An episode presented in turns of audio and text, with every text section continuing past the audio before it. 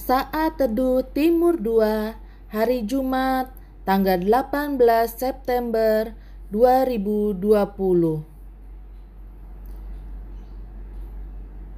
Digerakkan kasih Bahan bacaan saat teduh kita hari ini diambil dari Yohanes 2 ayat 3 sampai 5 dan 7. Ketika mereka kekurangan anggur, Ibu Yesus berkata kepadanya, "Mereka kehabisan anggur."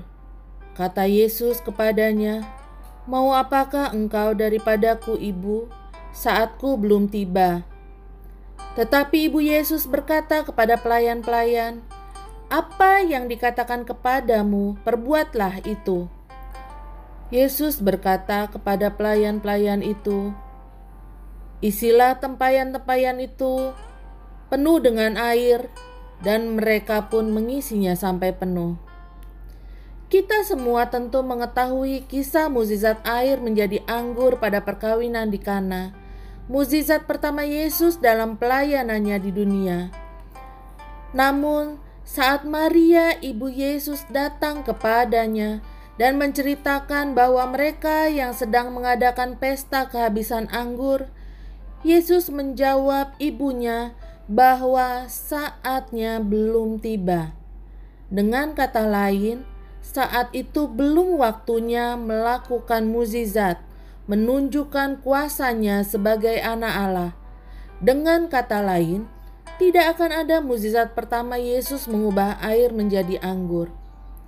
Saudaraku, puji Tuhan, seperti kita ketahui dari firman Tuhan yang kita baca, mukjizat air menjadi anggur tetap terjadi. Yesus melakukannya. Yesus menyuruh para pelayan mengisi tempayan dengan air, lalu menyuruh pelayan tersebut mencedok air dalam tempayan dan memberikannya kepada pemimpin pesta. Ya, anggur terbaik terus tersedia sampai akhir pesta. Muzizat dan kuasa terjadi. Pertanyaannya adalah, apakah yang membuat Yesus melakukan mukjizat tersebut? Sementara waktunya dia katakan belum tiba. Kita dapat pelajari yang pertama, hatinya yang tergerak oleh belas kasihan. Ada seruan, permintaan, serta kebutuhan yang menggerakkan Yesus melayani. Kedua, kasih Yesus begitu besar bagi setiap kita. Kasih itu menggerakkannya melangkah, menolong, mencurahkan semua yang dimilikinya. Bahkan nyawanya pun diberikannya menebus dosa kita Semuanya tentang kasih Allah bagi kita. Semuanya Yesus terobos dan lakukan untuk menolong kita. Saudaraku, mukjizat pertama bukanlah semata-mata tentang air menjadi anggur. Namun bagaimana kasih menggerakkan Yesus melakukan dan memulai pelayanannya sekalipun saatnya belum tiba. Itulah teladan kasih Yesus dalam pelayanannya. Bagaimana dengan kita?